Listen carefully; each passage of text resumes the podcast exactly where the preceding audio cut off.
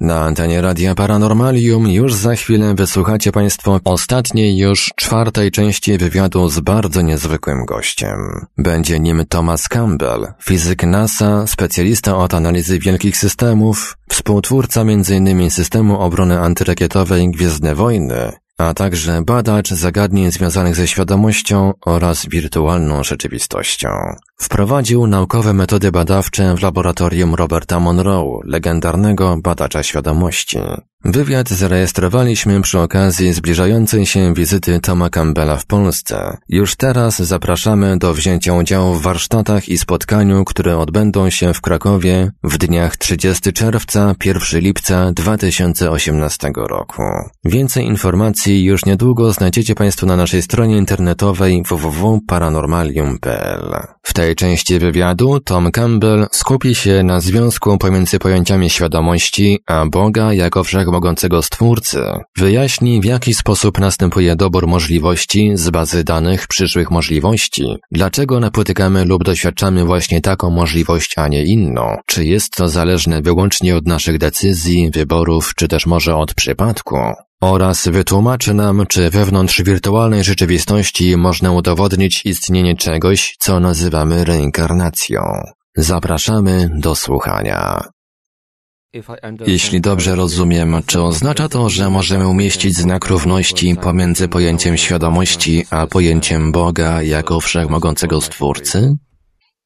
Według mojej teorii większy system świadomości jest twórcą. Większy system świadomości nie jest idealny, nie jest ponadnormalny, jest po prostu normalny.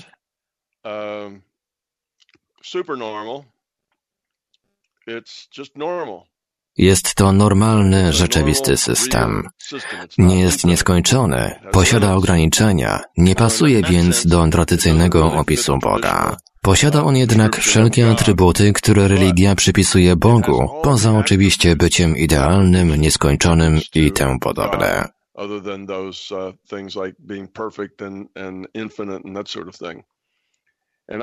Na YouTube można znaleźć nagranie, w którym podczas wizyty w stanie Atlanta zadałem pytania kilku teologom. Dwóch z nich było doktorami teologii. Zadałem im pytanie o to, jakie są atrybuty Boga. Gdyby przyszło im opisać najbardziej podstawowe elementy czyniące Boga Bogiem, jakie by one były? Wymienili sześć lub siedem rzeczy. I wszystkie one były również atrybutami większego systemu świadomości. Mamy wielu ludzi, którzy opisują samych siebie jako bardzo religijnych, którym bardzo podoba się moja wielka teoria wszystkiego ponieważ w jakiś sposób nadaje ona Bogu oblicze. Postrzegają oni większy system świadomości jako Boga, ponieważ spełnia on wszystkie kryteria tego, czym według nich jest Bóg. Nie ma jednak dogmatu, nie trzeba w nic wierzyć. To po prostu naturalny system, który stara się przetrwać i rozwijać się, zamiast cofać się w rozwoju. System, który stara się zostać miłością. System przechodzi przez proces, a my jesteśmy częścią tego procesu.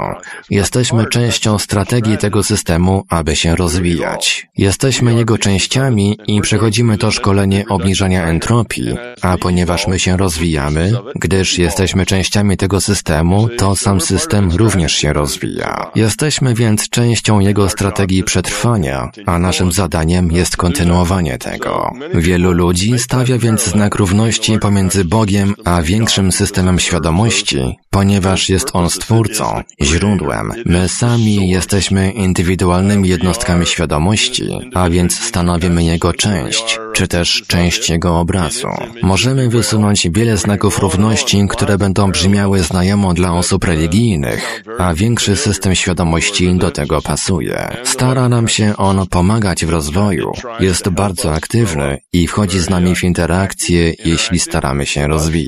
Jeśli się nie staramy, po prostu pozwala nam dalej istnieć. Jeśli jednak czynimy starania, On nam pomoże. W swoim życiu odnajdziesz wiele synchroniczności, gdy właściwe rzeczy będą się pojawiać we właściwym czasie, tak abyś mógł się rozwijać, stawać się lepszym. Te wszystkie rzeczy będą po prostu się pojawiać właśnie wtedy, gdy będziesz ich potrzebował. W taki właśnie sposób większy system świadomości próbuje dać ci kopa, podsunąć pewne wskazówki do tego, gdzie teraz pójść, co robić, co potrzebujesz zrozumieć. W taki więc sposób ten system spełnia kryteria tego, co ludzie uważają za Boga. Wszystkie dogmaty jednak znikają, znikają wszystkie przekonania, ponieważ to nie jest system, w który powinieneś wierzyć. Powinieneś go doświadczać, a nie w niego wierzyć. Musisz tam pójść i stać się jego częścią, zobaczyć go, doświadczyć, a nie w niego wierzyć. Jeśli to nie jest twoje doświadczenie, wówczas nie jest to twoja prawda. Nie wierz w to, co ci mówię, tylko podejmij wysiłek, aby się nauczyć, rozwinąć się i w oparciu o swoje własne doświadczenie sprawdzić, czy to, co mówię, jest prawdą.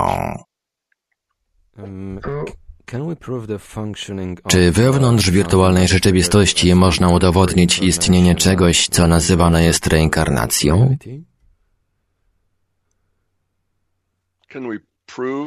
Czy możemy udowodnić istnienie reinkarnacji? Nauka nie używa już określenia udowodnić. Udowodnienie jest dość ryzykowne. Nie jest to coś, co chcemy osiągnąć poszukując dowodu. I tak, istnieje wiele dowodów potwierdzających, że reinkarnacja rzeczywiście istnieje. Dla mnie mocny dowód stanowi już sam fakt, że musi ona stanowić logiczny element mojej teorii, aby cała teoria działała, ale inni mogą być odmiennego zdania. Mamy jednak doktora Briana Weissa, który przeprowadził wiele badań w temacie przeszłych wcieleń i w jego pracach możemy znaleźć wiele przypadków, w których ludzie wiedzieli o zdarzeniach z przeszłości, o których nie powinni mieć zielonego pojęcia. Mamy na przykład pewnego chłopca w wieku około sześciu lat. Opowiadał on swoim rodzicom, że był pilotem, latał samolotem. Podał im typ i rodzaj samolotu, został zastrzelony w takiej i takiej bitwie, podał nazwisko pilota i wszystkie te szczegóły, o których takie małe dziecko nie powinno wiedzieć, zostały zapisane i jak się okazało, znalazły one swoje potwierdzenie w rzeczywistości. Jak więc to się dzieje, że osoba podaje taką ilość szczegółów i opowiada o niedotyczącym je zdarzeniu w taki sposób, jak gdyby rzeczywiście to przeżyła? To dość prosty przykład, jednak badacze zgłębiający tematykę poprzednich wcieleń i tego typu rzeczy trafiają na setki podobnych.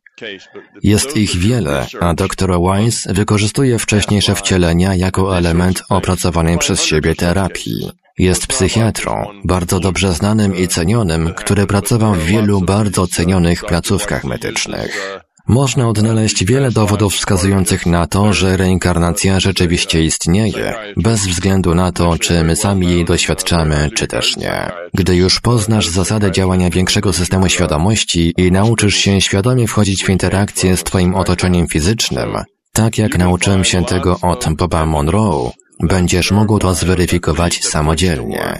Możesz towarzyszyć jakiejś umierającej osobie, podążać za nią, być z nią w momencie śmierci, po śmierci, i zobaczyć, na czym to doświadczenie polega. Możesz śledzić jej losy i obserwować, co się z tą osobą dzieje. Możesz się z tą osobą połączyć, by poznać jej myśli, zobaczyć to samo, co ona, towarzyszyć jej i doświadczać tego samego, co ona. Jest to więc kolejny fakt wywiedziony z doświadczenia. Powtórzmy jednak, jeśli to nie jest Twoje doświadczenie, to nie jest to Twoja prawda. Możesz też wejść do tej wirtualnej rzeczywistości, którą nazywam rzeczywistością przejścia z angielskiego Transition Reality. Gdy ludzie umierają, ich indywidualne jednostki świadomości przechodzą przez mały proces przejścia, który jest konieczny, ponieważ jest to system, który pomaga uniknąć szoku i rozeznać się w tym, co się dzieje. To zalogowanie ma charakter całkowicie wciągający. Świadomość tak naprawdę postrzega sama siebie jako awatara. Nie jest świadoma tego, że jest świadomością. Jest to świadomość, która jest zalogowana bez wspomnień, nie posiadając niczego na poziomie intelektualnym. Posiada jedynie nabytą wcześniej jakość. Następnie zaczyna od swoich pierwszych doświadczeń, Może to być jakieś neutralne doświadczenie lub doświadczenie narodzin i musi się nauczyć rozumieć i odczytywać dane, jakie otrzymuje. Przychodząc więc na świat, świadomość w stu procentach identyfikuje się z awatarem i sama siebie uważa za awatara, nie za świadomość. To dlatego ludzie mają z tym problem. Gdy jednak świadomość rozwija się, staje się coraz bardziej świadoma istnienia innego wymiaru.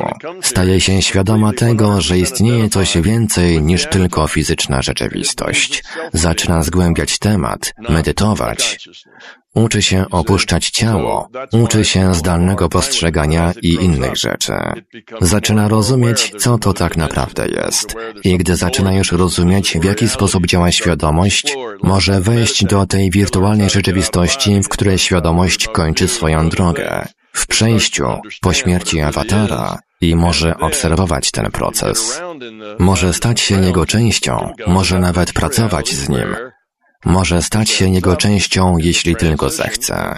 Mamy więc kilka kolejnych faktów.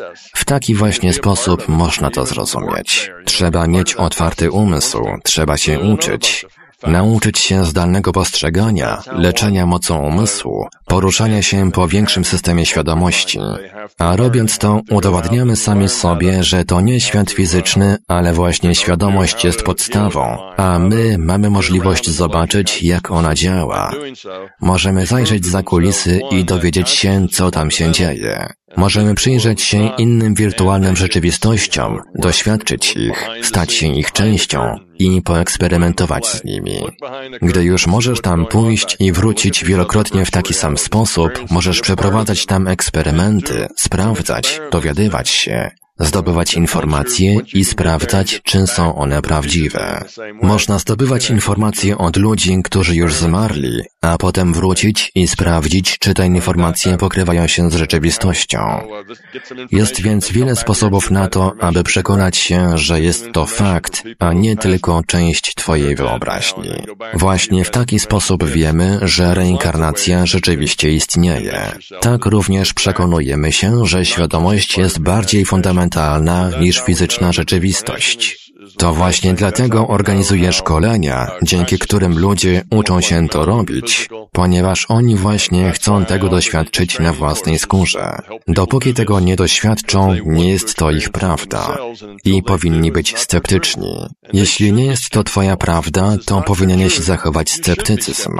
Powinieneś jednak posiadać również otwarty umysł i włożyć nieco wysiłku w to, by się dowiedzieć.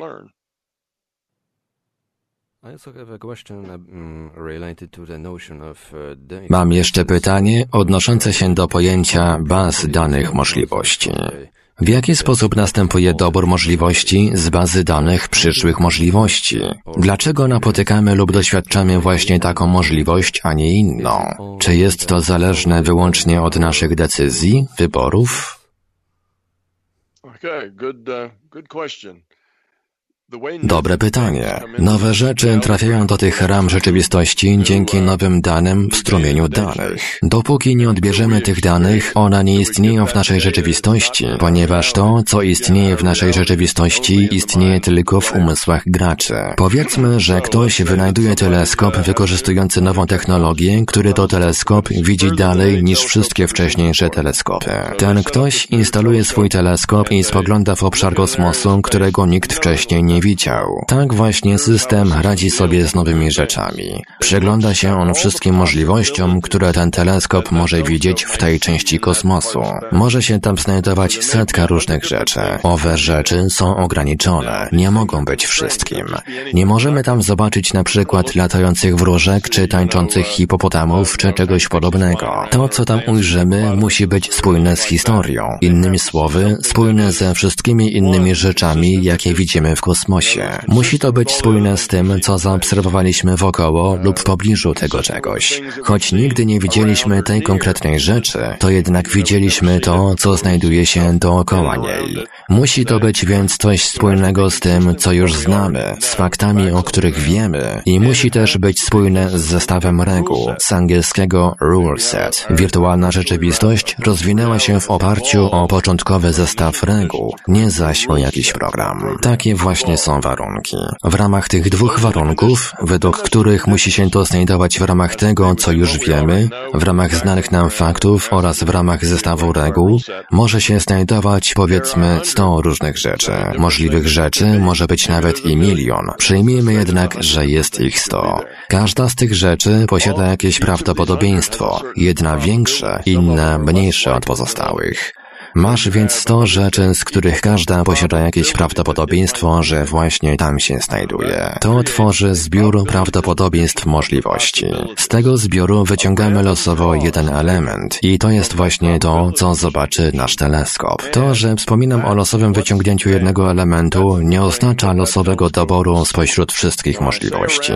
Gdy wyciągamy jeden element z całego zbioru możliwości, pewne rzeczy stają się bardziej możliwe, mają większe prawdopodobieństwo prawdopodobieństwo. W przeciwnym razie prawdopodobieństwo, że zostaną wybrane i wyciągnięte, staje się mniejsze. Zależnie więc od tego, jak bardzo coś jest prawdopodobne lub nieprawdopodobne, mamy większe lub mniejsze prawdopodobieństwo, że właśnie ten, a nie inny element zostanie wyciągnięty. Właśnie o to chodzi w losowym doborze spośród zbioru prawdopodobieństw możliwości. Dokonany zostaje losowy wybór i to jest właśnie to, co widzimy. Tych rzeczy może być setka, ale widzimy tylko tę jedną. Teraz powiedzmy, że takich rzeczy do wylosowania jest milion. Wówczas mamy szansę równą 1 do miliona, że właśnie ten element zostanie wybrany. Kiedy indziej może być 10 tysięcy do miliona. Wtedy mamy 10 tysięcy razy większe prawdopodobieństwo, że właśnie to zostanie wylosowane. Tak to właśnie działa. I tak jest wszędzie, nie tylko w kosmosie. Wszędzie, gdzie istnieje niepewność, czy też gdziekolwiek, gdzie w naszym systemie systemie znajduje się jakaś niewiadoma. Cała nasza nauka stara się nieznane przemienić w znane, bo gdyby wszystko było znane, stanowiłoby już część naszego systemu. Naukowcy starają się odkryć nowe znane, odkrywając nowe nieznane i wychodząc z czymś nowym. Wszystko, co nieznane, posiada pewne prawdopodobieństwa. Mogą być tylko dwa prawdopodobieństwa, albo nawet jedno. Wówczas losowy dobór zawsze daje taki sam rezultat. Tam jednak, gdzie z powodu niepewności mamy do czynienia z wieloma różnymi prawdopodobieństwami, system zawsze dokonuje przypadkowego doboru spośród zbioru prawdopodobieństw możliwości. A w jaki sposób wpływa to na nas, tutaj, miejscowo? Użyję tu jednej z moich ulubionych metafor. Powiedzmy, że wybierasz się na wycieczkę. Wychodzisz z mieszkania, zamykasz je, nikt nie może dostać się do środka. Wyjeżdżasz na miesiąc, wracasz, otwierasz lodówkę, ale tak naprawdę nie pamiętasz, co jest w środku. Minął miesiąc i tak naprawdę się nad tym nie zastanawiałeś. Być może otwierając ostatnim razem lodówkę, nie zwróciłeś zbyt wiele uwagi na to, co się w niej znajdowało. Masz więc niepewność co do tego, co znajduje się w twojej lodówce. A gdybyś przed wyjazdem zrobił zdjęcie wnętrza lodówki i gdybyś przykleił to zdjęcie na lodówce, wówczas nie byłoby niepewności co do jej zawartości, ponieważ uwieczniłeś ją na zdjęciu. Jeśli jednak nie zrobiłeś zrobiłeś zdjęcia, masz więcej niepewności. Gdy więc otwierasz drzwi lodówki, masz pewne prawdopodobieństwo, że pewne rzeczy będą w środku. Masz wówczas przypadkowy dobór spośród zbioru prawdopodobieństw możliwości. Właśnie to znajduje się w Twojej lodówce. Jak widać, to działa w przypadku wszystkich rzeczy cechujących się niepewnością.